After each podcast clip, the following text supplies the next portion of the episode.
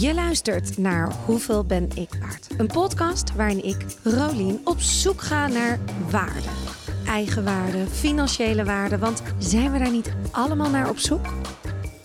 Voor deze aflevering gaan we over de landgrenzen en zijn de opnames voor één keer online. Iets wat ik best lastig vind. Maar ik wilde de Belgische Eva Daleman heel graag spreken. Ja, want hoe zit het met de financiële waarde als we over de Belgische grens gaan? Eva Daleman is een Belgische radio- en tv-presentatrice waar ze jarenlang werkte voor de publieke omroep. Totdat ze in 2015 een burn-out kreeg. Eva besloot te stoppen. Ze was klaar om haar eigen pad te gaan bewandelen. En ze is inmiddels schrijver van vele boeken, creator en influencer. Al klinkt inspirator beter. En ze kiest heel bewust haar samenwerkingen. Verbinding is een van haar kernwaarden en ze heeft dit jaar een mooi en groot financieel doel. Ja, en dit alles bespreken we in deze aflevering.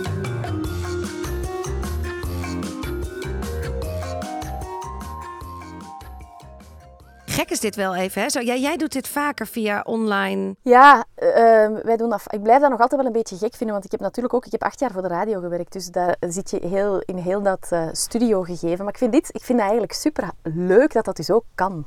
Dit, dat jij hè? in Amsterdam zit en ik zit echt zo vijf uur rijden verder en wij zien elkaar heel, ja, dat vind ik superleuk. Ja, Techniek is op dat vlak handig. het geluid is goed. Het, Ja. het beeld is goed, inderdaad. We kunnen gewoon opnemen. We hebben goede spullen. Ja, dit, dat is ongelooflijk. Maar ik vind ook elkaar echt zo Ja. zien in een studio heeft ook ik. echt charme. Maar ja, vijf uur is inderdaad net te lang om eh, elkaar Ja. even te zien. Het was net te veel. Ja. Ja. daarom. Dus we doen het zo. Maar ik begin altijd met de vraag: Eva, wanneer wist je voor het eerst wat je waard bent? Ehm, ik wist op mijn, hm, ik denk dat het ongeveer rond mijn 21ste was, had ik door dat ik iets waard was. Zijnde, ehm, ik ben op mijn 19 ehm, als student van de schoolbanken geplukt en ehm, op de radio beginnen werken. En ik weet dat ik toen startte met een, dat was voor de openbare omroep in België, en ik startte toen met een gewoon basis startersloon. Wat was dat? 1300 euro of zoiets. Ik denk dat het het jaar 2009 was. En een aantal jaar later eh, werd ik van de radio geplukt en ging ik voor televisie werken. En ineens werd er toen, ik had dan een manager en werd er boven mijn hoofd gebabbeld over wat ik mocht verdienen en hoeveel ehm, waarde er zou geplakt worden op mijn exclusiviteit. En ik weet dat dat, als 21-jarige, al mijn vrienden die studeerden nog, die, die, hun was werd nog gedaan door hun ouders.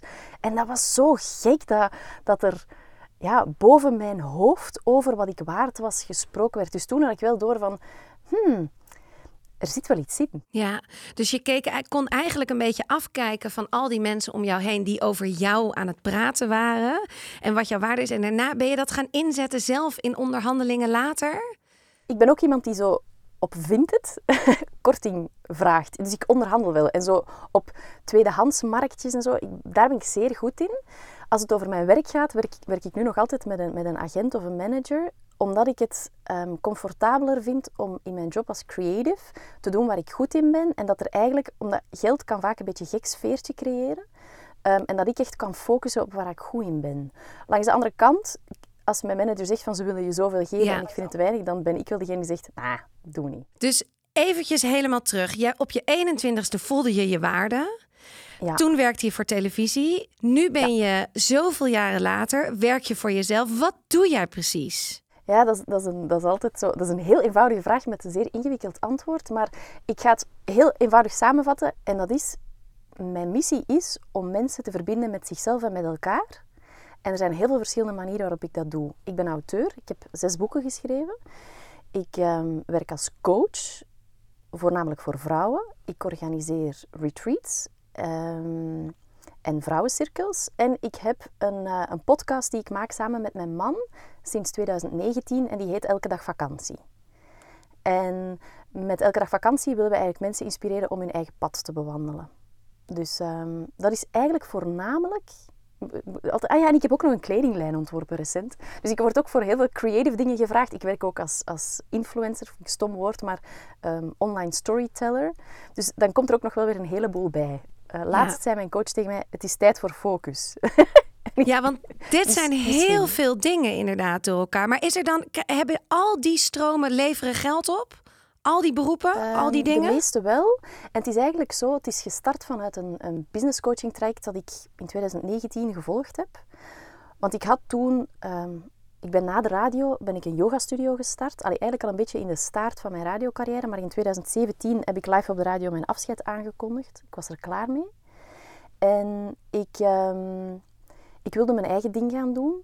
En ik had toen die yoga studio. En vanaf toen had ik ook wel door van ja, daar kun je eigenlijk niet zo goed van leven. Hè. Een, een loon van een mediafiguur of een loon van een yoga teacher. ik kan het je verzekeren, er zit een heel groot gat tussen. Ehm, dus dan ben ik gaan kijken van hoe kan ik mij nu gaan opschalen? Wat kan ik ehm, op de markt gooien dat misschien een, een eerst actief en dan passief inkomen kan, kan opleveren?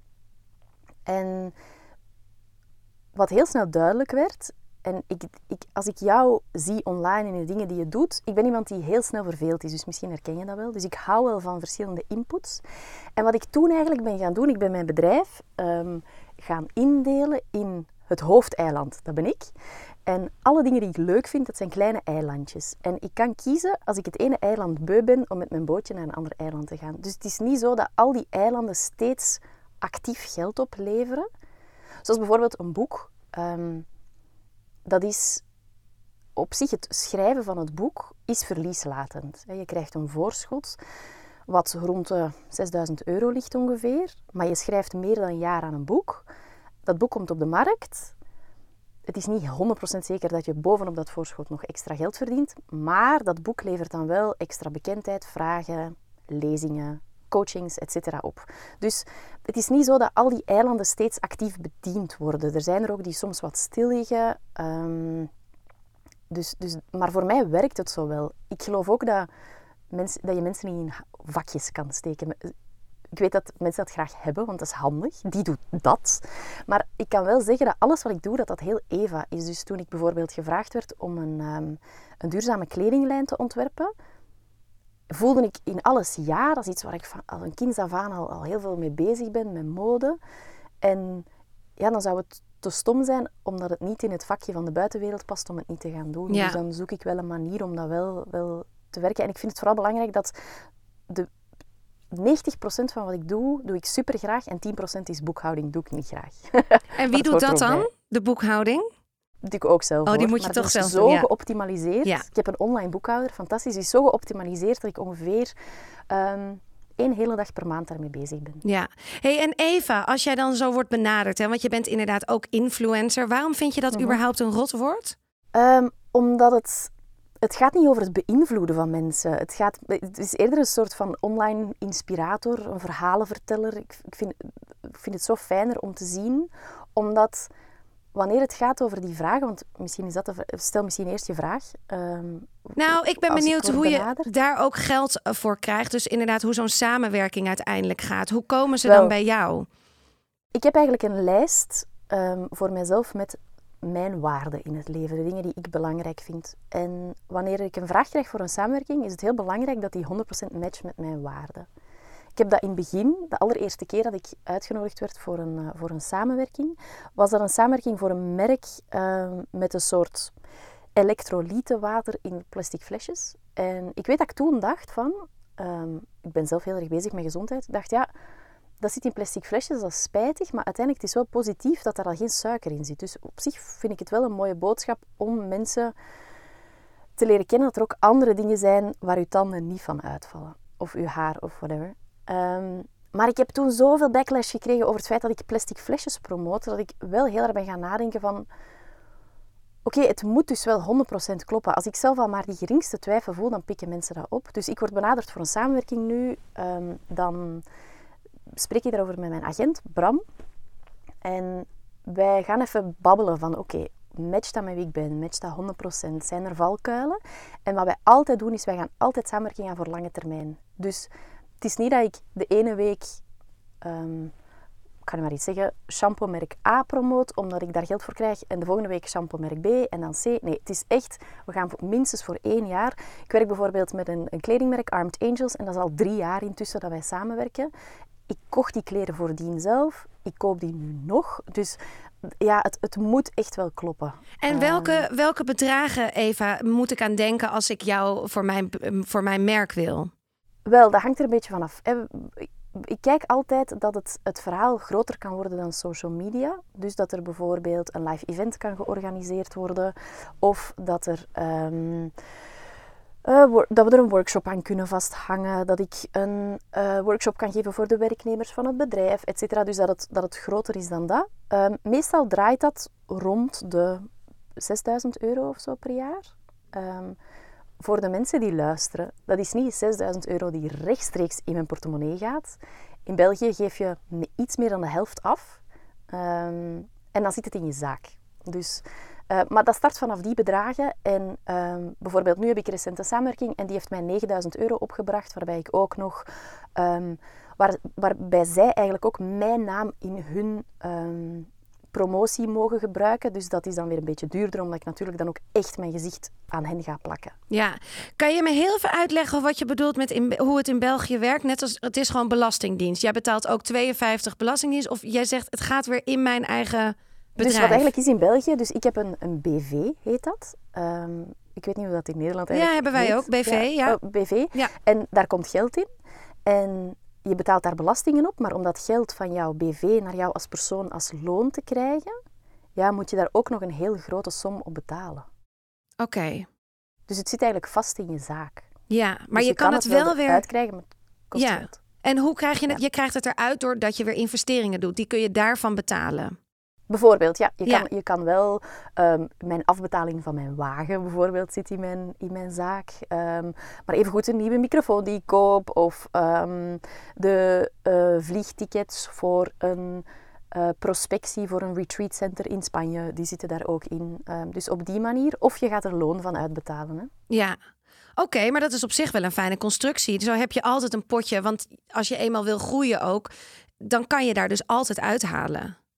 Ja, en ik moet zeggen, ik ben op mijn negentiende heb ik mijn zaak opgestart, want ik werkte toen pas voor de radio en ik werd toen gevraagd om een spotje in te lezen voor een cd die verkocht werd. Dat was toen nog zo, in, uh, in de oertijd. Klinkt nu zo de oertijd, maar bon. Dus dat was een radiospotje. En ik weet nog toen dat ze zeiden van ja, maar je hebt een zaak nodig, want wij kunnen u anders niet betalen. Ja. En dan heb ik um, toen mijn zaak opgestart. Ik weet nog dat ik dan 500 euro uh, investeerde van mijn spaargeld daarin. Um, en dat ik het dan zo kon starten. Dus eigenlijk ben ik al werk ik al heel lang, eerst in bijberoep, als zelfstandige. Ik denk dat ik op mijn 21ste volledig zelfstandig ben geworden. Ik ben nu 33. Ja. En Bram is degene die jouw onderhandelingen doet? Ja, Bram is mijn manager. Was vroeger mijn scoutsleider, dus is heel leuk. Hij kent mij al heel lang. Um, en wij werken, denk ik, sinds vier jaar of zo werken wij samen. Ja. Ja, hoe is, hoe is praten over geld in België? Praten jullie net zoals bij Hoeveel Ben ik waard lekker met elkaar over geld? Ehm, wel, ik moet zeggen dat ik um, op dat vlak, de helft van het jaar zit ik in Spanje en um, ontmoet ik heel veel mensen die een andere levensstijl hebben dan de 9 to 5 in België of de, de rat race waar, waar heel veel mensen in België en Nederland wellicht ook in zitten. En daar wordt er heel gemakkelijk over gebabbeld. Ik denk dat wij ook allemaal mensen zijn die um, bezig zijn met persoonlijke ontwikkeling en dat we allemaal al wel eens op die, um, die financiële mindset beperkingen gebotst zijn. En de boeken van Ken Honda gelezen. Je, kent, je weet wat ik bedoel. Um, dus, dus daar wordt er heel gemakkelijk over gehad. Maar hier in België is het toch niet zo vanzelfsprekend. Ik weet dat er heel veel mensen schrikken. Als ik bijvoorbeeld, eh, stel je hebt een huis gekocht, dan vraag toch jou heeft dat gekost? Zeker. dat, dat, dat, dat, is hier echt... Huh? Huh? Ik, ja, ik, ik zelf heb het daar niet zo moeilijk mee. Um, misschien ook omdat dat... Um, ik, ik denk omdat, om, omdat ik dan net fijn vind dat anderen misschien zich ook vragen gaan stellen over hun waarde en hun eigen waarde. Ja. Uh, maar hier wordt niet zo gemakkelijk over geld gehad. Alleszins zeker niet over loon, et cetera. Um, want ik weet nog dat, zeker in het begin, als ik voor de media werkte, um, ik had echt geen idee wat zo de, de A-gezichten, zoals ze dan zeggen, wat dat die verdienen. Uh, ik weet dat er in België laatst een hele rel is geweest, zodat dat uitgelekt was wat ze verdienen. Dus, dus het, het, het is... Um, het is hier niet zo open en complexloos als bij jullie. Nee, maar het is dus ook nog heel erg scheef bij jullie. Het is, er zit dus waarschijnlijk heel veel verschil in, in poppetje A. In, ja.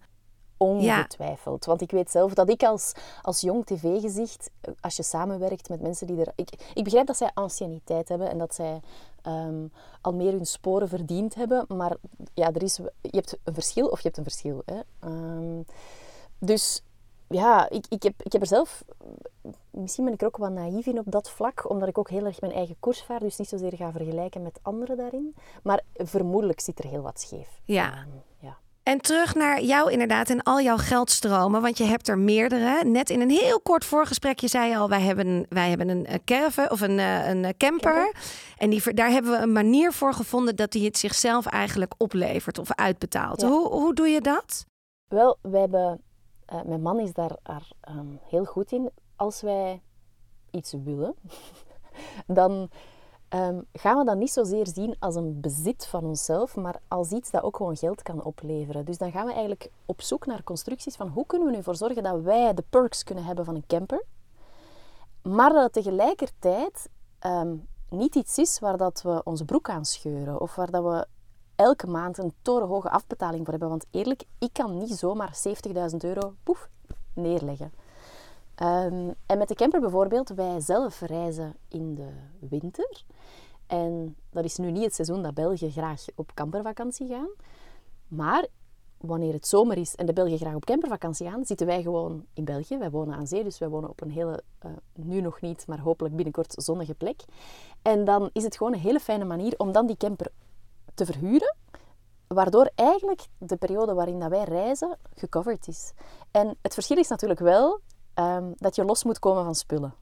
Ja. Want het, ja, er kan mee gebotst worden. Um, er kan eens iets stuk gaan. Um, dus, dus als het echt jouw, jouw schatje is, zo, zo te zeggen, ja, dan, dan wordt het moeilijker. Maar wanneer dat je met de mindset het aankoopt van kijk, we, we gaan het ook wel echt gebruiken voor de verhuur, ja, dan, dan, gaat het eigenlijk best makkelijk. Ja. Maar ik hoor van heel veel mensen die zeggen, ja, ik zou dat niet kunnen. Ze, hè? Terwijl wij denken, ja, we zijn supergoed verzekerd. De, de, wat is het ergste dat er kan gebeuren? Ja, maar het is, het is ook wel veel werk. Ik denk ook wel eens met mijn eigen huis. Wij hebben ook een koophuis. En in Nederland mag je het dan mhm. inderdaad via Airbnb verhuren. Als je een eigen, niet een huurhuis, maar een koophuis. Ja, ik zie gewoon 600 beren. Ik denk dan alles, persoonlijke dingen moeten weg. Ik wil dan ander beddengoed. Ik wil dan, ik moet een investering doen. Het is gewoon, het is niet even makkelijk geld verdienen. Nee, maar dan is het dat je het niet hard genoeg wilt of nodig hebt. Want dat was bij ons. Um, nu, wij onze dochter is, uh, gaat net naar school en zij is 2,5. Dus de eerste duizend dagen van haar leven zitten erop. En wij, hebben ons voor, hadden ons voorgenomen om zoveel mogelijk tijd samen door te brengen. Dus zij is in al die maanden, um, denk ik in totaal, vijf maanden naar de, naar de peutertuin gegaan. Dus naar de opvang. En voor de rest zijn we altijd samen geweest. Heel tof, ook heel intens natuurlijk. Komt weinig werk van. Dus wij dachten, ja, we zijn nu thuis in België. We hebben nu die stabiliteit. Ze gaan naar school. Ja, die camper staat daar. zou echt heel knullig zijn als die gewoon staat te snurken op onze oprit. Ja. Dus, en dan is het werk. Nu, we hebben voordien ook al wel een camper verhuurd en dat was echt vanuit een businessplan. Dus dat was niet zozeer om zelf te gebruiken. We hebben hem wel zelf gebruikt, maar dat was echt wel de bedoeling van we gaan dat verhuren en, en daar geld mee verdienen. Dus we hebben ook wel een systeem. En het goede is dat ik ben creatief supersterk, dus ik kan heel makkelijk een websiteje maken. Um, de bestikkering regelen voor de bus. En mijn man is administratief en um, qua productie heel efficiënt. Dus wij vullen elkaar supergoed aan. Dus het moment dat ik het beu ben, pakt hij over. En wanneer alles op poten staat en hij denkt, ah, oh, nu moet die kamper nog ingericht worden, heb ik weer zin en energie om daarmee aan de slag te gaan. Het is wel zo dat wij, um, wij, wij zitten niet van 9 tot 5 op een bureau ergens vast. Dus wij werken elke dag van thuis uit. Dus het is ook heel makkelijk om daar elke dag een uurtje aan te spenderen in de plaats van dan naast jou vaste job het er ook nog eens allemaal bij te nemen. Dus op zich is, is daar in ons geval wel, wel meer balans in. Maar het vraagt wel werk inderdaad. Terwijl langs de andere kant, het werk dat je nu insteekt, binnenkort is die, of op dit moment is die drie maanden weg. En hoeveel krijg je daarvoor, voor drie maanden? Hoeveel vangen jullie daarvoor? Dat weet ik eigenlijk niet. Ik weet wel dat het per week in het hoogseizoen, het is mijn man die al die dingen doet, denk ik 1500 euro of zo. Ja. Um, maar nu, omdat het langere tijd is, is het iets anders.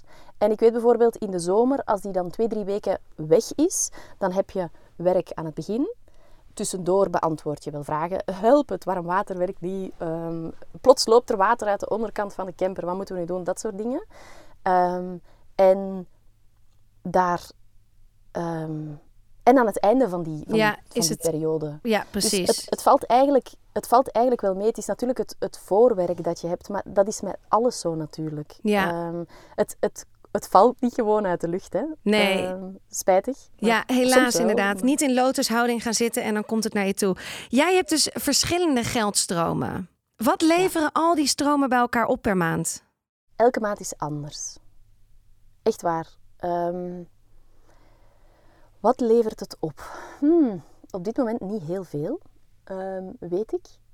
Ik, ik. Ik zeg nog altijd dat het het begin van het jaar is, maar we zijn intussen al april, dus het, het, het heeft wel eens te komen. Maar ik denk ongeveer, wat ik zelf als loon heb uit mijn zaak, is eh, iets rond de 2100 euro. Ja. En, de, en, je en je man ook nog. En samen komen jullie daar gewoon goed van rond. Ja, mijn man iets minder. Hij verhuurt ook wel appartementen. Ehm, en samen komen wij daar, daarvan rond. Wij hebben er wel echt voor gezorgd. Ehm, het verschil is, denk ik, wij zijn op een bepaald moment, ehm, hebben wij allebei, los van elkaar, nog voor we elkaar kenden, in een periode gezeten waarin het allemaal zo net voldoende was. Dus wij hebben heel hard geleerd om het met heel weinig te doen. Dus wij zijn zelf, wij gaan bijna nooit uit eten bijvoorbeeld. Ehm, wij zijn geen cafégangers. Ehm, wij drinken ook geen alcohol. Dus als we gaan uit eten, is het heel goedkoop. Of, ik ik bedoel, tegenwoordig is niks meer goedkoop. Maar dan, dan, weet je, een glas wijn is al snel 8 euro op restaurant, denk ik. Dus als je dan met twee bent, dus het scheelt wel meteen 16 euro. Als je er twee drinkt, is het 32 euro dat je minder betaalt. Ehm, wij kopen niet zo heel veel spullen. Wij reizen wel, maar wij reizen in een laag seizoen. Dus wanneer je in de winter in Spanje op een camping staat, kost het jou 10 of 12 euro of zo per nacht. Dus ja, terwijl het in de zomer 40, Ja. 32 is of zo. Dus, dus, het, dus het scheelt wel. Dus wij proberen op die manier ehm, er heel creatief mee om te gaan. Ehm, dus ja, ik, ik schrik vaak, want ik denk altijd van ja, wij, wij zitten er wel goed in. denk ik altijd. Ik ben wel positief en ik heb niet het gevoel veel tekort te hebben. Wil ik altijd meer? Of course. Ehm, maar als ik dan soms hoor hoeveel andere mensen verdienen, dan denk ik, oeh, wij, zijn sukkel, sukkels. Zo, zo. Ja, maar hoezo denk je dat dan? Hoe bedoel je dan, wij zijn sukkels? Vind je dan dat je prijzen te laag zijn voor de dingen die je doet? Of, of waarin? Nee. Nee, omdat ik ook niet meer wil werken. Voor het werk dat ik doe, verdien ik behoorlijk veel geld. Want ik werk twee, drie uur per dag maximum. Ehm, dus ja, de- de- dat is de keuze die ik daar dan ook wel in maak. Ehm, mijn man lacht altijd dat hij zegt van ja, je hebt zo'n geldknopje dat je kan aanzetten. Als je weer eens voelt dat je veel geld wil verdienen, dan verzin je van alles. Maar dan werk ik natuurlijk ook hard, maar dan verzin ik van alles en dan komt er weer geld binnen. Neem hem daar eens in mee, want dat is natuurlijk wel heel interessant. Als er dus een creatief iets bij jou gebeurt, dan Ja. kan je je wel aanzetten tot acht uur per dag werk en dan ga je. Maar meer. Je gaat, dan verlies ik mezelf daar echt in. Dus dan kan ik echt zeggen van, ah, ik heb een, ik heb een idee voor een online training. Of bijvoorbeeld als ik, ehm, als ik normaaliter een boek schrijf, dan heb ik zo een periode dat het in mijn hoofd rijpt. En dan schrijf ik zes weken non-stop gewoon bam. Eh, Dus dat, dat is heel, heel intens. Ehm, maar ik, ja, ik, ik kan dus ook wel heel hard werken, maar ik ben niet de persoon die elke dag acht uur slijt aan een bureau, omdat ik, ik kan, niemand kan eigenlijk zo lang productief zijn. Dus ik kan heel goed mijn productiviteitsvenster, dat op dit moment bijna gedaan is, ehm, tussen 9 en 11 uur 30 heel goed benutten. Maar ik werk dan ook echt als een sneltrein. Dus mijn man en ik, wij werken samen thuis, maar zitten wij in stilte echt zo... Dus dan, dan, de energie vliegt dan rond. En dan is het middag en dan na de middag is het verloren. Dus dan ga ik ook gewoon leuke dingen doen. En kan je dat helemaal accepteren? Heb je dan geen schuldgevoel dat je denkt, ja, ik had eigenlijk veel meer kunnen doen en eigenlijk wil ik meer geld verdienen en eigenlijk heb ik het. Of kan je dan helemaal gewoon loslaten en denken, ja, dit is wat ik doe en meer is het niet? Ja, ik heb dan wel eens die gedachte van ik wil meer geld verdienen. Dan denk ik, ja, dan moet je het gewoon doen. Hè. Allee, Ja. dat, ik ben, dat is het handige, eh, het handige tegelijkertijd het lastige. Dat ehm, ik ben mijn eigen baas, maar er is niemand die ook zegt van... Hé hey Eva, wil je een extraatje? nee, dat moet ik zelf, zelf achteraan gaan. Dus het is echt wel die volle verantwoordelijkheid. En tegelijkertijd zou ik dat voor geen geld ter wereld haha, eh, willen inruilen. Want bijvoorbeeld zoals gistermiddag, voor het eerst in dagen scheen de zon is op de middag. En dan was ik gewoon heel blij dat ik buiten kon zijn. En dat er niet iemand was die zei, je moet nu werken. Nee, maar het is natuurlijk nog steeds ook heel veel geld. Als je even uitrekent dat jij per week rond de 20 uur werkt. En je krijgt daar 2100 euro voor of 2000 euro. Is dat natuurlijk echt ook veel geld. Mhm. In verhouding zeker. Toch? Ja. En als je weet van ik lanceer weer even iets. Hoe, als jij zo'n lancering doet hè, van een vrouwencirkel of een online Mhm. event. Of, hoe, hoe pak jij dat dan aan? Heb je dan toch, omdat je veel following hebt op Instagram, dat het snel vol zit? Wel, dat zou je denken, hè. Ehm, maar dat is, die conversie ligt eigenlijk veel lager. Ehm, bijvoorbeeld zoals nu heb ik voor het eerst... Ik organiseer sinds 2017 yogareizen. En normaal gezien liepen die als niks vol. Dan kregen we 16 mensen bij elkaar. En dit jaar is het voor het eerst ehm, dat ik heb moeten cancelen. Omdat ik maar drie inschrijvingen had. Het lukte echt niet, op geen enkele manier. Ehm, heb ik daar even paniek in gevoeld? Eh, zeker, maar heel snel heb ik gevoeld van, ah, maar er wordt ruimte gemaakt voor iets nieuws. Ehm, het is duidelijk dat ik dit niet moet doen. Dan kan ik dat vrij gemakkelijk ook loslaten, in de plaats van daar als een koppige ezel zo op te blijven doorbeuken. Ehm, ik ben intussen jouw vraag alweer vergeten. Oh ja, Nee, mijn ik- lancering, hoe dat ik dat aanpak. Ja. Ehm, ja, ik, ik, ik heb vorig jaar een soort van cursus gevolgd, authentiek lanceren.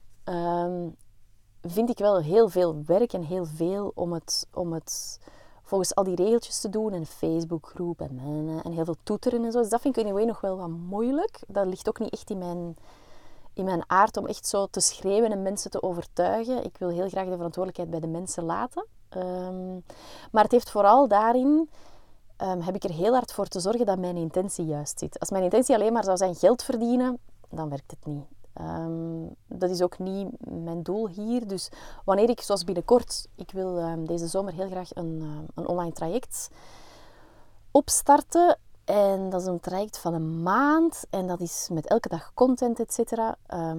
Ik ben dat nu in mijn hoofd aan het opstarten. En ik ben al een beetje een webpagina in elkaar aan het timmeren.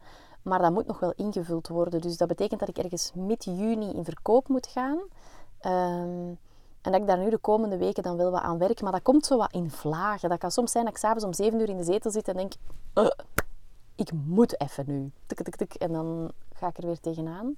En heb je dan Ehm, al een idee? Dat is, met, dat is voor vrouwen een maand Ja. lang met content en een, achter een gesloten muur of zo, achter een betaalmuur. Ja, en dat is met, eh, met vijf live eh group calls, um, openingsceremonie, um, et cetera. Um, Ja. Dus zoiets. Hoeveel, Ehm. hoeveel heb je in je hoofd dat mensen, de vrouwen daarvoor gaan betalen? Wel, heel grappig dat je het vraagt. Ik wist natuurlijk dat je dat ging vragen. dus ik heb ehm, gisteren met een vriendin daarover gebeld. Zij doet ook online programma's. Ik zeg, ja, die prijszetting is toch altijd heel erg moeilijk. En ehm, je wil ergens niet te duur zijn, maar eigenlijk ook niet te goedkoop. Want ik word zelf argwanend als iets te goedkoop is. En ik heb ook gemerkt zelf, ik heb ooit een meditatiecursus van 20 euro gekocht. Die heb ik niet afgemaakt. En ik heb er een van 700 euro gekocht. En die heb ik wel afgemaakt. Want ja, ik had wel 700 euro geïnvesteerd, dus het moest verdorie wel opbrengen. Dus daarin zit ik nog wat te schipperen. En ik denk nu aan iets van een 380 euro of zo. Ja, Ehm, En het Eva- Iets van een 10 euro per dag. een hele andere vraag. Nou, eh, een eerlijke vraag. Zijn er niet al veel te veel van dit soort dingen? Zeker. Coaches, online, trajecten, weer een... een eh, hoe, hoe zorg jij dan dat jij echt anders bent? eh, door mezelf te zijn. En ik heb ooit eh, in het boek van Mary Forleo, Everything is Figure-outable, geeft ze een super mooi voorbeeld over die vraag. Omdat dat natuurlijk de imposter is. Hè? Die zit in mij, die zit in u, die zit in iedereen. Ik haat hem. Ja, hij, hij- hij- hij helpt mij ook wel beter te doen. Maar zij sprak, ze zei van iedereen van ons heeft een favoriet restaurant. Een plek waar je heel graag naartoe gaat, waar je thuis voelt, waar je weet dat het eten altijd lekker is, waar ze heel lief zijn in de bediening. Ehm, jouw favoriete plek. Stel nu dat die mensen dachten, oh, maar er zijn echt al zoveel restaurants in de wereld, of specifieker, er zijn zoveel Italiaanse restaurants in de wereld. Nee, dit gaan we niet doen. Ja, dat zou zo'n gemis zijn. Dus ik geloof dat daar energetisch ehm, een heel groot verschil in zit. Want ik vind ook niet elke coach een fijne coach. En ehm, je zou kunnen zeggen van, ja, maar er zijn al genoeg paarden in de wereld waar je op kan rijden. Ja, en toch heeft iedereen zijn favoriete paard om te rijden. Of is er een paard dat niet matcht. Dus daarin zie ik wel heel erg mijn eigen waarde. En heeft iedereen van ons zijn eigen achtergrond, zijn eigen struggles. En mijn taalgebruik resoneert met bepaalde mensen wel en met bepaalde mensen niet. Weet je, waarom komt er nog eens een soort havermelk op de markt? Ja, dat is omdat mensen weer vinden dat die een mooiere tekening heeft of dat het lekkerder opschuimt bij je latte of whatever. Dus het, Ja. ja, ik, ik, ik heb die gedachte ook wel eens. Ik, ik leg de lat voor mezelf gigantisch hoog. Ehm, en dat zijn dus dingen die ik me ook wel afvraag. En toch geloof ik dat iedereen zijn waarde heeft daarin. Ehm, want elke job die er bestaat, daar zijn er al heel veel mensen van die die invullen. En toch ben jij een soort missing link. En dat is gewoon jouw, jouw bestaansrecht in dit leven. Ja, laatst zei ook iemand, vond ik heel mooi, van sommige mensen moeten het van jou horen. Ze moeten het uit jouw mond horen, van jouw stem. En dan nemen ze het aan en dan gaan ze, worden ze misschien geactiveerd. Dus het, Ja, en als het over spiritual teachings gaat, of over yoga, iedereen teacht dezelfde oefeningen. Maar er zijn lessen waar je gewoon denkt, oh my god, cringe, ik wil hier weg. En er zijn lessen waar je denkt, ah, hier wil ik voor eeuwig blijven wonen. En dat is het, dat is het effectief ook. Het resoneert of het resoneert. Dat, is, dat is zo, mensen lachen vaak met dat woord zo, resoneert het? Maar ja, dat is het ook echt zo. zo. Zit je op dezelfde golflengte of niet? En alle spiritual teachers, die teachen hetzelfde. Hè? Die basis is allemaal hetzelfde. Die Ja. gebruiken dezelfde Lego-blokjes, maar ze plaatsen ze gewoon in een andere volgorde. Of ze tonen ze op een andere manier, of de taal die ze spreken, of het voorbeeld dat ze geven. Ehm, dus, dus ik geloof daar wel in. Ehm, En deze cursus, hè, heb je dan, visualiseer jij hoeveel vrouwen je hierin wil hebben? Wat is het goal? minstens 80. Oké, Dus best scherp. ja. En Ja. Hoe, hoe ga je dat doen? Goeie vraag. Door heel hard vanuit mezelf het te gaan maken en niet te veel te kijken naar andere mensen. Ja, en wat is hard? Wat, hoe, hoe, hoeveel is hard? Is dat hard werken? Is dat heel veel uren erin stoppen? Wat is hard? Ja, wat ik bedoelde met hard is dat 80 een heel scherp doel is, vind ik persoonlijk. Ehm, maar ik voelde het zo. En ik, ik wil ook genoeg uitgedaagd worden. Ik heb, ehm, ik heb zin om nog eens mijn A-game te spelen. En echt gewoon alles uit mezelf te halen. Ehm, ik vind niet dat je in elke job die je, of in alles wat je doet, kan je niet op je allerbest zijn, want dan val je dood om.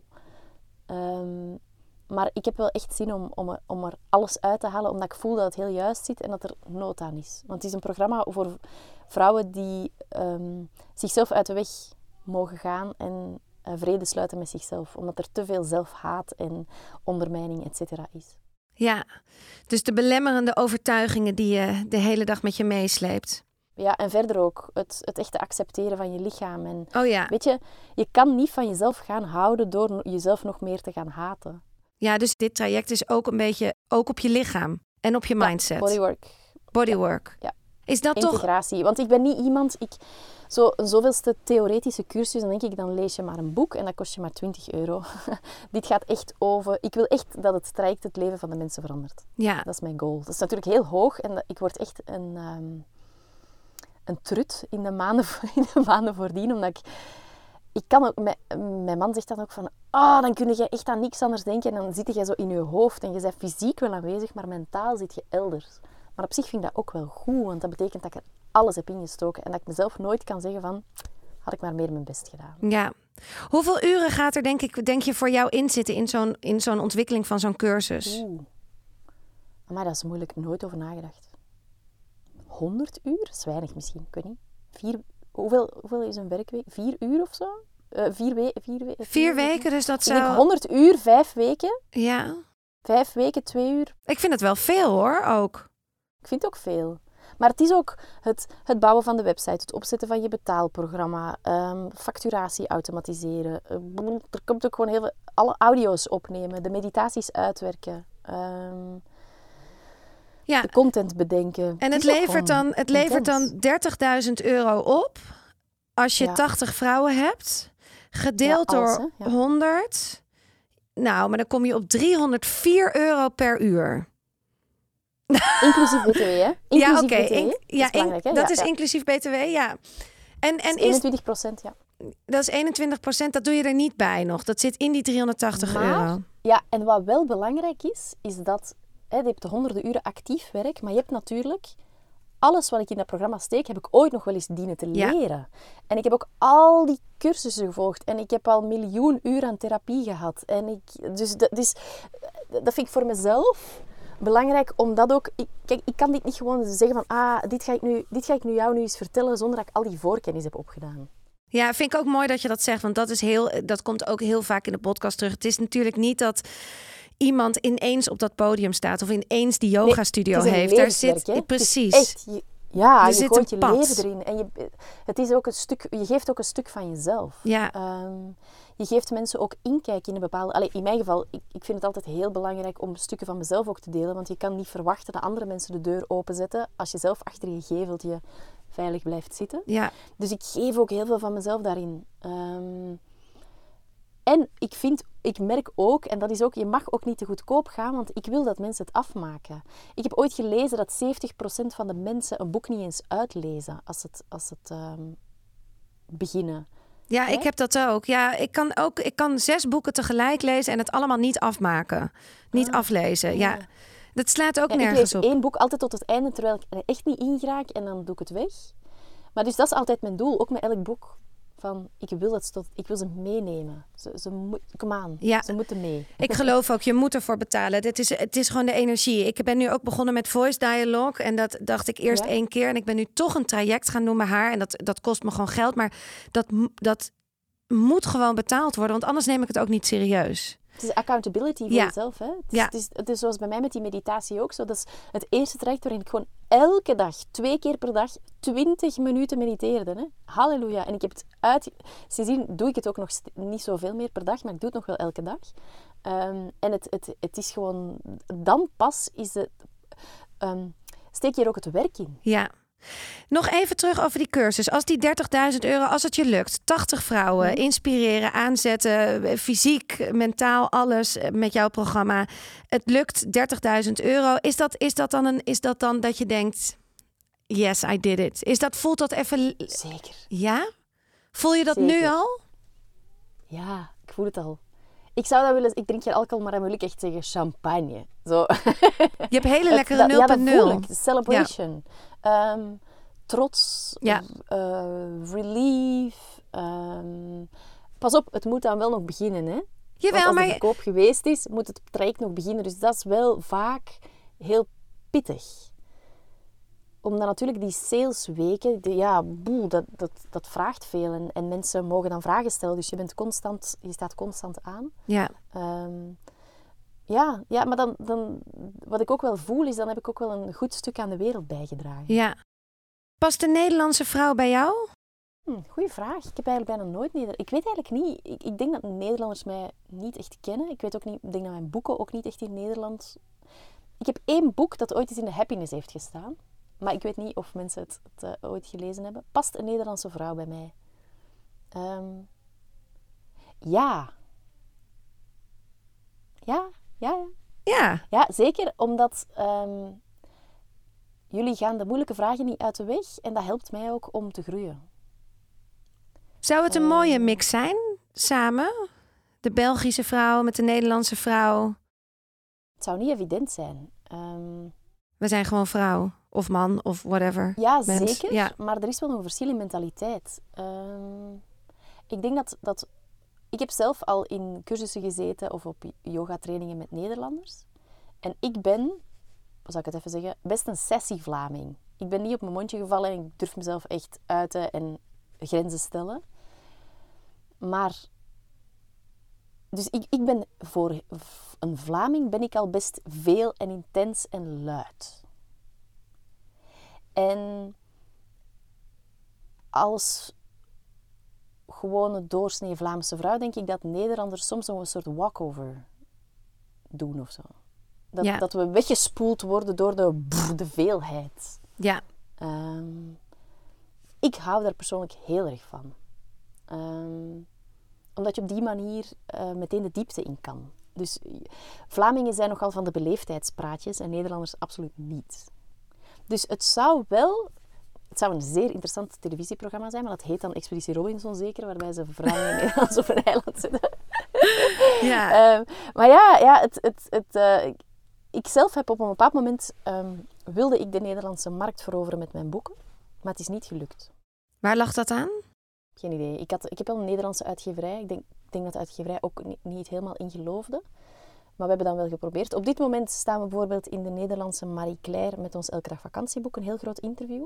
Dus er is wel interesse vanuit Nederland. Ehm, we hebben ook in de Gratia gestaan, in de Jan. Ehm, dus het, het...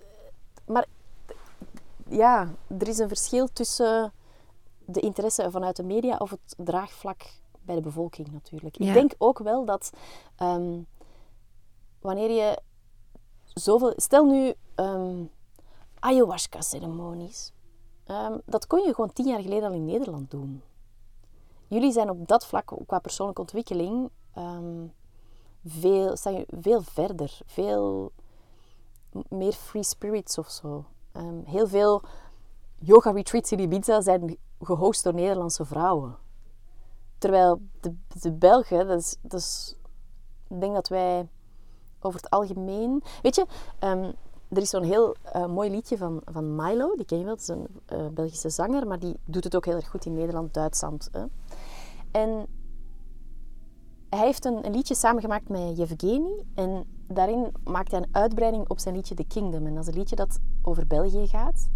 En in België zingt hij Maakt men helden en dan spuugt men ze weer uit. En dat is wat in Nederland anders is. In Nederland kan je groot zijn en de bevolking die steunt jou zo hard dat je nog groter kan worden. Terwijl in België ben je dan groot en dan zeggen ze, doe nu maar even lekker normaal. Ja. Je wordt arrogant. Genoeg.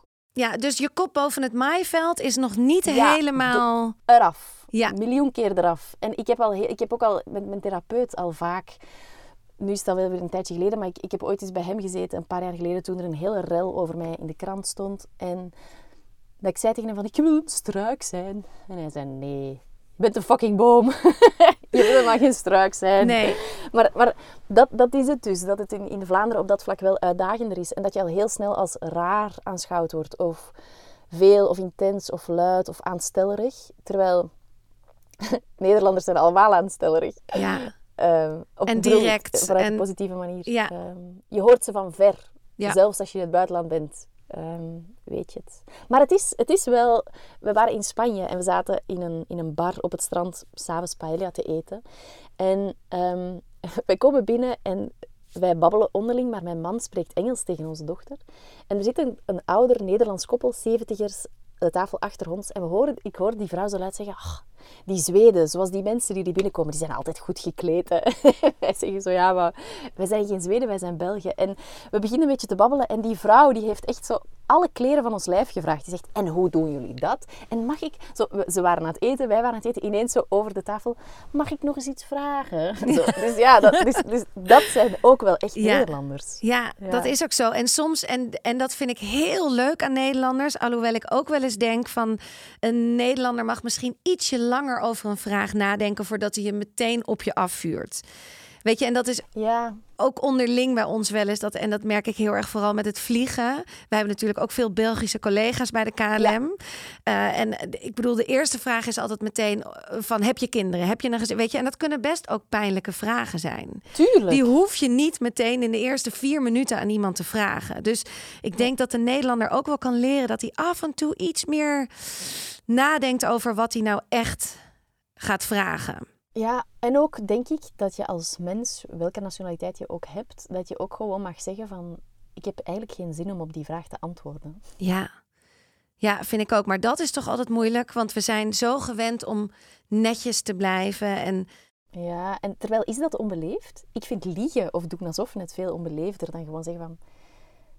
ja, maar dat is wel wat we hebben aangeleerd eigenlijk, om veel te liegen. Net zoals dat je ook Zeker als vrouw, hè? Ja, ja. De- Being the good girl. En dat, Ja. is, dat is wat ik heel hard probeer niet meer te doen. En dat maakt mij voor velen vervelend, tussen aanhalingstekens. Of, ehm, ik hoorde het ook in de podcast van Meghan Markle, de diva. Dat daar zo een... Hè, dat, want eigenlijk is een diva een vrouw die haar waarde ziet en die ehm, zichzelf heel graag unapologetically toont aan de buitenwereld. En daar is gewoon een heel ehm, nasty stukje aan vastgehangen dat dat ook niet mag. Zo, oeh, d- zo, ik weet ook bij mij zo, ik ben ook een moeilijke omdat ik gewoon mijn grenzen aangeef. Maar dat is eigenlijk niet moeilijk, want dat is net super makkelijk. Ja.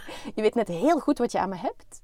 Ja, en want durf jij dan echt nu steeds meer die diva te zijn, om het zo te noemen? Om, om Um, dus in je autoriteit te gaan staan en te denken, ja, dit is, dit is mijn waarde, dit is mijn kracht. Ja. Ja, ik voel zelf, als je zegt diva, dan voel ik al direct in mezelf, oh nee, maar ik ben geen diva, Ja. want ik ben eigenlijk heel normaal. En, en dus, dus ik voel meteen die reactie in mezelf. Maar eigenlijk ja. En ik wens dat iedereen toe.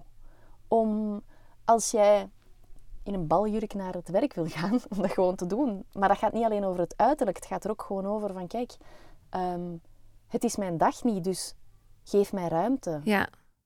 Maar het voelt, dit voelt, als we dit aansnijden, dit stukje over waarde, dit voelt soms zo oud zeer. Dus echt al generaties voor ons, Absoluut. ja, die gewoon nog, die, die wij gewoon ook nog meedragen. Ik, ik, ik, Ja. ik heb zo vaak, ik heb nu zoveel therapie en, en dingen gedaan. En ik heb zo vaak dat ik denk, ja, ik ben er bijna. En dan komt toch repelsteeltje weer op mijn schouder. En die, die maait me omver. En die zegt alleen maar, wie ben jij? Wat denk je wel niet? Weet je, het is, het is zo'n collectief oud trauma voor, voor de vrouw, denk ik. Maar dat is in België dus ook. Dat maakt volgens mij dus niet uit waar je woont. Dit is... Nee, en ik denk zelfs in, in België dat we nog veel meer... ehm, in België wordt de positie van de underdog, dat zijn de hele sympathiekelingen. Ja, Dus dat wordt hier heel erg hard ehm, ge- gecheerd wanneer je de underdog bent. Maar wanneer je dan uit de underdog-positie stapt en in de winnaarsrol gaat staan, ah, dan, dan, dan Ja. is klaar. Maar hoe hou jij het dan vol? Want jij pakt die rol wel steeds meer, ook op je Instagram, ook op je, je eigen wijze eh, jij. Hoe, hoe, hoe krijg je veel kritiek? Ik lees geen media meer, absoluut niet. Ik ben gestopt met alles. Ehm, en dat is heel veel vrijheid. Ehm, krijg ik veel kritiek? Ik ben ook wel echt iemand die als mensen heel klote dingen onder mijn Instagram-post zetten, dan verwijder ik ze ook. Ik denk, ja, één, dit is een gratis platform. Jij hoeft hier niet voor te betalen. Jij kiest wie je volgt en wie je niet volgt. Dus stop met mij, met mij te pesten. Get out. Ik blokkeer echt wekelijks tien mensen. Laat mij gewoon.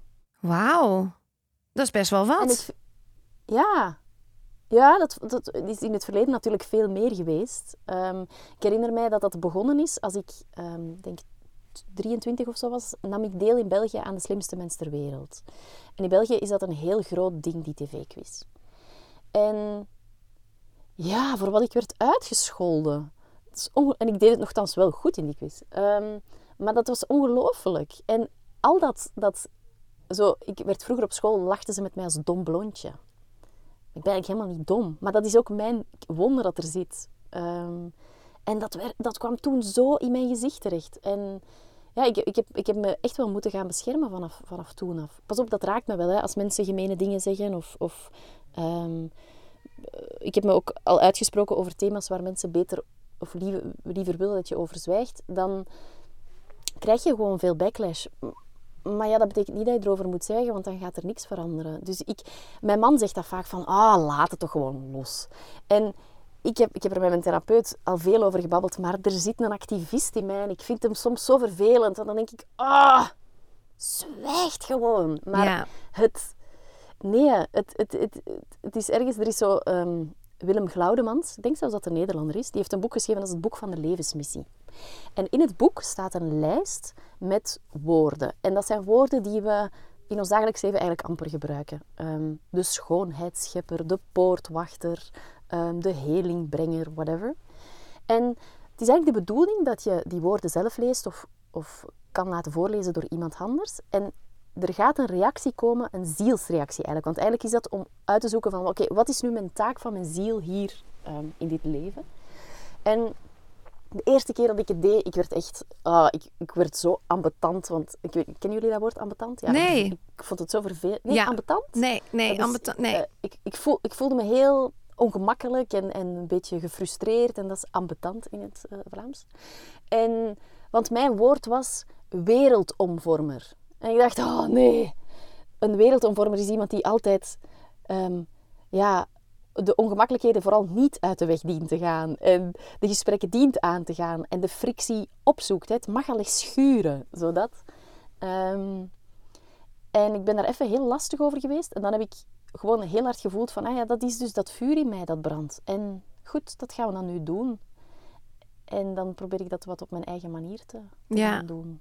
Ja, Het goed hoor. ook niet altijd, maar het, ehm, het voelt wel heel unapologetically. En ik denk dat dat voor mij... ehm, ik, heb, ik ben in mijn twintig jaar, ik, ik heb in mijn jaren genoeg geconformeerd en mij constant aangepast aan iedereen, waardoor ik op den duur niet meer wist wie ik zelf was. En nu denk ik, ja, nu moet mijn omgeving zich maar aanpassen. Ja, heel goed. Ik herken het. Ik ben een beetje een laadbloeier, want ik ben 41 en ik zit nu op dit pad. Dus ik ben, eh, Ja. Ja, ik ben met alles altijd een laadbloeier geweest. Maar ik voel ook heel erg wat je zegt over dat vuurtje. Dat je gewoon denkt, ja, daar ga ik van aan. Ik ben nu ook boeken over heksen aan het lezen. En dan Ik denk je echt, dat is zo Tof, hè? interessant. Ja, Zo tof! ik vind dat Ja. ook zo Maar ik, leuk. vind, ik heb wel nog wat moeite met het woord. Ik ook. Maar Want dat is dus ook zo- wat je nu zegt over dat, dat het, het is iets, een weerstand in mij. Ik heb daar een vooroordeel op. Ik, heb daar, ik vind dat rare mensen. Het is te alternatief. Ik vind het veel te zweverig. Ik, maar dat is het. Als je die boeken leest over die heksen, is het gewoon heel, heel basic en heel aards juist. Het is gewoon met de Ja, natuur werken. het gaat over de natuur. Het Precies. gaat gewoon over in touch zijn met de Ja. natuur in jouw omgeving. Maar ik heb een vriendin en zij kan dus super... Zij zegt zo, ik, als, ik, als, als je aan haar dan vraagt, van, wat doe jij? Dan zegt ze, ik ben een moderne heks. En ik denk dan echt... Oeh, ja, ik ook. Maar, maar zij embodied dat. En ik heb, ik, ik heb daar op haar... Allee, zij mag dat zijn en daar heb ik geen oordeel over. Maar op mijzelf...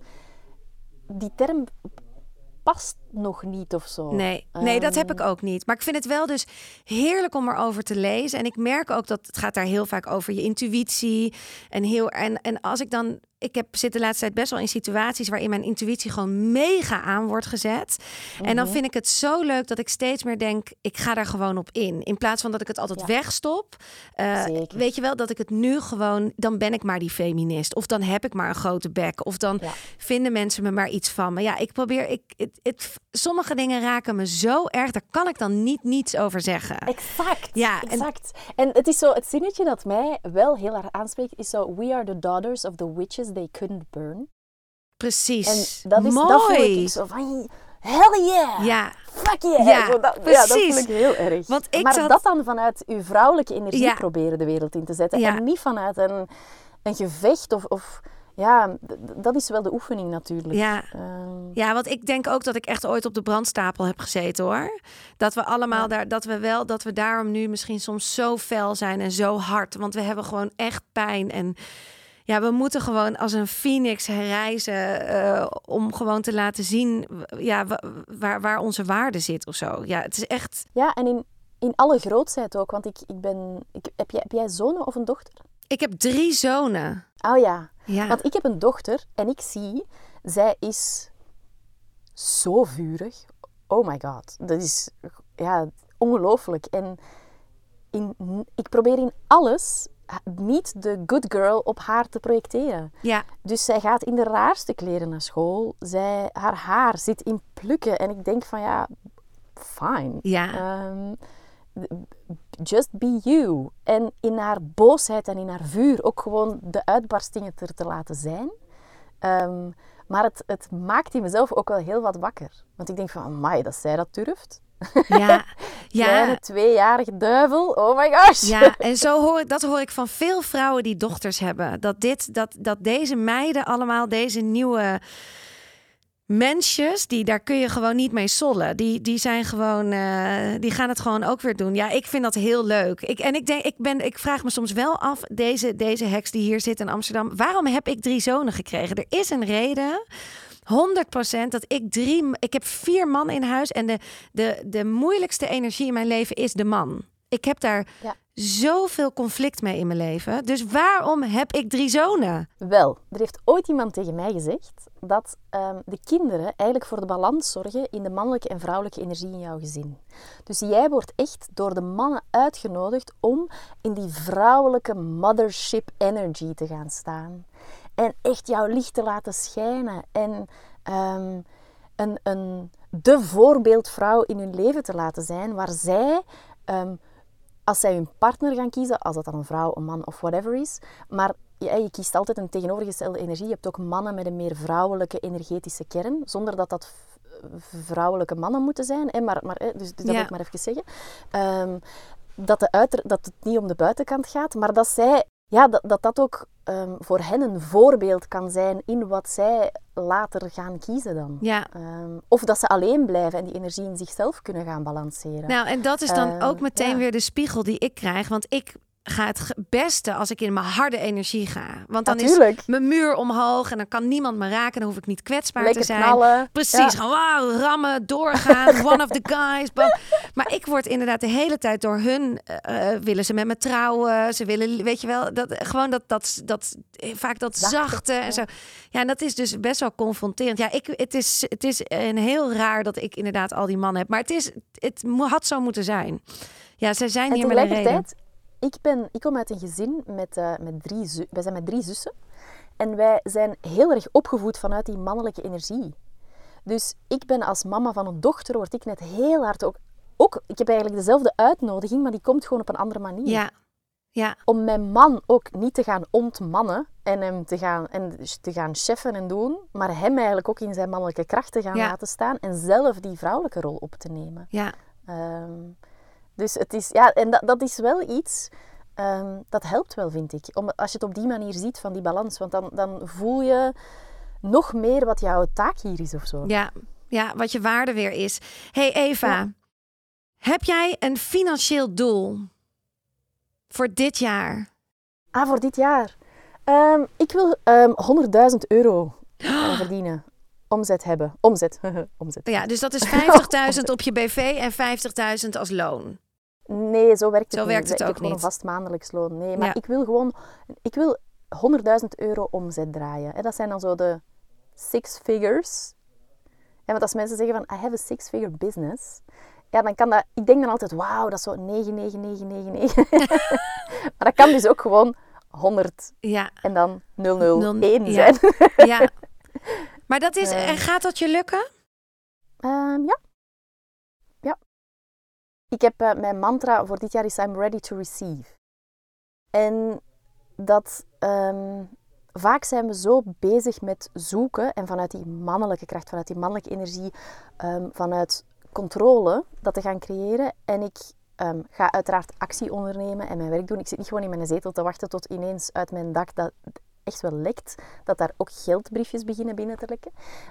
Maar ik, ik ga wel niet alles te gaan proberen controleren en meer ook openstaan voor wat, er, wat het leven mij aandient en wat er op mijn pad komt. Want ik vergelijk het vaak met, je, je zit op zolder en je gaat naar iets specifiek op zoek en het is een donkere zolder en je hebt een, ehm, een zaklamp. Hè? Dat is een, dat is, begrijp je Ja. woord? Ja? Ja. Dat is ook, ja, dat is ook Engels. Je hebt een zaklamp en je gaat op zoek en je ziet enkel wat er binnen die bundel van licht zit. Maar alles wat er rond zit, dat zie je niet. En ik wil eigenlijk gewoon het, het grote licht aandoen en meer zien wat dat er ook rondom mij gebeurt, welke vragen dat er komen. En het is eigenlijk heel bijzonder, want ik krijg de, kom, de laatste tijd heel veel uitnodigingen van projecten waar ik deel van mag uitmaken. Dus het, het beweegt wel. En dat is eigenlijk wel heel fijn. En vooral om in dat gevoel te stappen van het, ehm, het leven draagt mij. I'm taken care of. ehm, and I'm ready to receive. Ja. Dus je hebt, oh, maar je vindt het nog wel eng om te zeggen. Eh, ja, ik voel mijn, mijn pad van dit jaar. Ik zit er in een enorm transformatiejaar. Ik ben iemand die normaal... Ik ben eigenlijk een zeer spiritueel persoon. Maar de afgelopen jaren heb ik... ehm, ik noem dat even furoren maken. heb ik furoren gemaakt door alles wat spiritueel is super ehm, eenvoudig, ehm, zo klaar als water uit te leggen. Dat iedereen het kan begrijpen en er iets mee kan doen. Maar dat heeft er ook wel voor gezorgd dat ik mij soms even wat kleiner heb gemaakt of, of, of ehm, zo een beetje lacherig heb gedaan. Of zo, zo. Ik, ik krijg dan grapdwang ehm, om, om het dan zo wat weg te lachen. Ik voelde nu ook dat ik dacht van, ha, ik kan er een beetje bij lachen. Ehm, en het is echt wel... Ik word dit jaar heel hard uitgenodigd om heel hard vanuit dat, die spiritualiteit gewoon mijn authentieke stem te laten horen. En het niet meer weg te lachen, maar de, de heks te zijn. Ehm, met mijn essentiële olietjes, whatever people think about it. En met mijn Paulo Santos stick rond in het huis te lopen. En pas op, spiritualiteit gaat verder dan dat natuurlijk. Maar ook gewoon te geloven dat er dingen naar je toe kunnen komen in het leven. En ehm, niet vanuit die kleingeestige mindset eh, ernaar te kijken. Dus I'm ready to receive, weet je, financial abundance. Maar ook, we hebben de verhuizen naar het buitenland. Een plek vinden die onze dromen overstijgt. Ja. Waar dat er ruimte is om mensen te ontvangen. Om, om um, een abundance in health te krijgen. Ik heb er heel moeilijke jaren op zitten. Maar ook daar mijn lichaam te voeden, sterk te zijn, gezond te zijn. en Dat soort zaken. Ja. Dus eh, grote doelen. Mijn grote doelen, ja, wij verhuizen naar, naar Spanje, dus dat is een best groot gegeven. Allee, we gaan voor tien maanden naar Ginder, dus dat, dat voelt als een eerste stap in een verhuizing om te voelen van hoe, hoe zit het daar. Dus dat is mijn doel, een, een, een thuisplek vinden. We hebben de laatste jaren, ehm, het is een heel lang drama, we hebben een drie jaar, al vier jaar lang een rechtszaak op ons huis, waardoor we er niet echt ons thuis van kunnen maken. Dus dat we in een soort kampeerhuis zitten. We hebben wel wat geverfd en zo, maar we kunnen niks structureel aanpassen. Dus het is nog een beetje een gekke woning. Ehm, maar ik heb nood aan vaste grond onder mijn voeten. Dus Ja. dat doel is ook wel echt een thuis vinden. Ehm, Spaans spreken ook. Ik zit aan mijn 78 days streak op Duolingo. Ehm, niet dat ik daardoor Spaans kan, maar Nou. Het werkt wel. Ik vond het echt ontzettend leuk om je te spreken. Ook heel leuk om een Ik keer het ook heel gezellig. een Belgische te hebben. Het is grappig. Was, was ik de eerste? Ja, Oh, wauw. Ja. Zo exotisch van je. maar Ja. ik, ik vind ja, heel exotisch, heel zuidelijk. Maar ik, Ja, het is, ik, ik ben ook benieuwd of er überhaupt of ik Belgische luisteraars heb. Ik denk dat er wel een paar zijn, maar het is echt minimaal. De, hoeveel ben ik waard is absoluut niet bekend in België. Nee? Nee. Want het is, ik denk dat het in Ne- Nederland best wel groot is, toch? Ik weet ook, podcasts zijn in, Bel in Nederland ook echt nog groot. Ja, jullie zijn ook gewoon bij meer natuurlijk. Ehm, Ja. Want wij hebben enkel het Vlaanderen stukje dan als het over het Nederlands gaat. Ik weet het eigenlijk zelf niet. Ik ben beginnen luisteren naar jouw podcast vorig jaar toen ik onderweg was van mijn retreat in Spanje terug naar huis. En hoe heb je dat dan gevonden? Ik heb geen flauw idee. Ehm, er zijn soms zo wel wat Nederlandse mensen die ik dan via Instagram zie. En dat ik dan... ehm, ik denk dat ik jou via Instagram per ongeluk was beginnen volgen. En dan zo zag wat je deed. Ehm, en misschien dat het... Heb jij ooit met Arie Boomsma gesproken Nee. in deze podcast? Nee? Dan was het via een andere weg? Hm, Nee. ik weet het niet. Nee, die Ehm, staat wel op mijn wishlist, maar die wil niet. Er zijn natuurlijk ook heel veel mensen die niet willen praten over financiën. Hè? Of die, Ja. ja, of die dat dan... ik vind dat ook wel heel spannend, maar uiteindelijk... Ja, wat is het dat er kan gebeuren? Ja, en ik denk, het is toch ook, ik, ik vind het juist zo. Het, het, uiteindelijk gaat de podcast niet. We hebben het niet de hele tijd over geld gehad. Het gaat over welke vorm van waarde voor jou het allerbelangrijkste is. Dat is misschien soms even de heks, dat is het feminisme. Dat is heel veel meer dingen dan alleen dat je het daadwerkelijk over financiën hebt. Of hoe je Ja, en op zich is het ook gewoon heel bevrijdend. Maar het, het, het, ehm, het is ook weer dat stukje, eh, zeker als het over, over vrouwen gaat, maar duidelijk, misschien hebben mannen dat ook, dat je, je, je, je mag geen, ehm, zo niet te eager zijn. Nee. Precies zo dat. Geld is nog een beetje iets vies of Ja, zo. Klein Ehm, denken. En, en daar heb ik intussen al heel veel werk op gedaan. I- Iemand zei me ooit van, je hebt geld te behandelen als een goede vriend. Je steekt die niet meteen onder de matras als die binnenkomt, maar je stuurt die ook niet gelijk langs de achterdeur weer naar buiten. Dus je hebt een beetje tijd samen door te brengen en dan elkaar los te laten, elkaar weer uit te nodigen en te zien. Dus ik probeer het op, op die speelse manier een beetje, een beetje te zien. Ja. Ehm, en gewoon, eigenlijk, hè, veel geld hebben is gewoon heel leuk. Tuurlijk. En weet je hoeveel leuke dingen je weer daarmee terug kan doen in de, in de wereld? Ik bedoel, dat, het is. dat. En, en pas op, ook wel. Mijn coach zei altijd, want ik heb op jongere leeftijd, als ik voor televisie werkte, verdiende ik behoorlijk veel geld. Voor mijn leeftijd toen. Want ik denk dat ik 4000 euro in de maand verdiende toen.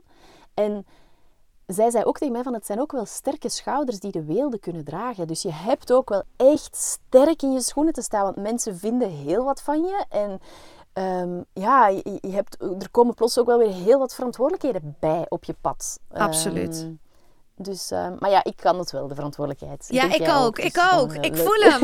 Ik ga heel veel geld verdienen. Ik had laatst bedacht dat ik 5000 per maand wil verdienen, minimaal. Nice. Ja, heerlijk. En, eh, en dat kan inderdaad. Ik heb dat ook wat jij hebt. Veel meer dingen die ik leuk vind. Ik vind het heel mooi hoe je dat beschrijft met dat eiland. Want dat ben ik ook. Ik ben het eiland. En vanuit daar zitten de, en ga ik met een bootje overal ergens naartoe. En laat ik het ook een beetje gewoon gaan. Het, het is goed. Ik zit gewoon in dat bootje en elke keer ga ik naar een ander eilandje en it's oké. Ja. Ik hoef niet altijd te kiezen. Het is juist ook leuk dat het allemaal een beetje samen mag. Maar Zeker. ik ben wel helemaal klaar om te ontvangen. Voilà, ik ook. Heksengroetjes. Rolien en Eva. Ja, precies. Heel goed. Zo sluiten we hem ook af. Hey, dankjewel Eva. Ik uh, plezier. vond het ontzettend leuk om jou te spreken. En uh, ik hou je in de gaten. Dankjewel, ik jou ook. Okay. Tot op Instagram. Tot op of Instagram. in Amsterdam. Ja, heel leuk. Of in België. Heel graag. Bye. Dit was hem voor deze week. Vond je het leuk? Heb je iets geleerd? Dan hoor ik dat natuurlijk graag. Je kan me vinden op Instagram. Hoeveel ben ik waard? De podcast. Ja, en sterren of een review in Apple Podcast of Spotify is natuurlijk meer dan welkom. En verder, voor nu, tot de volgende.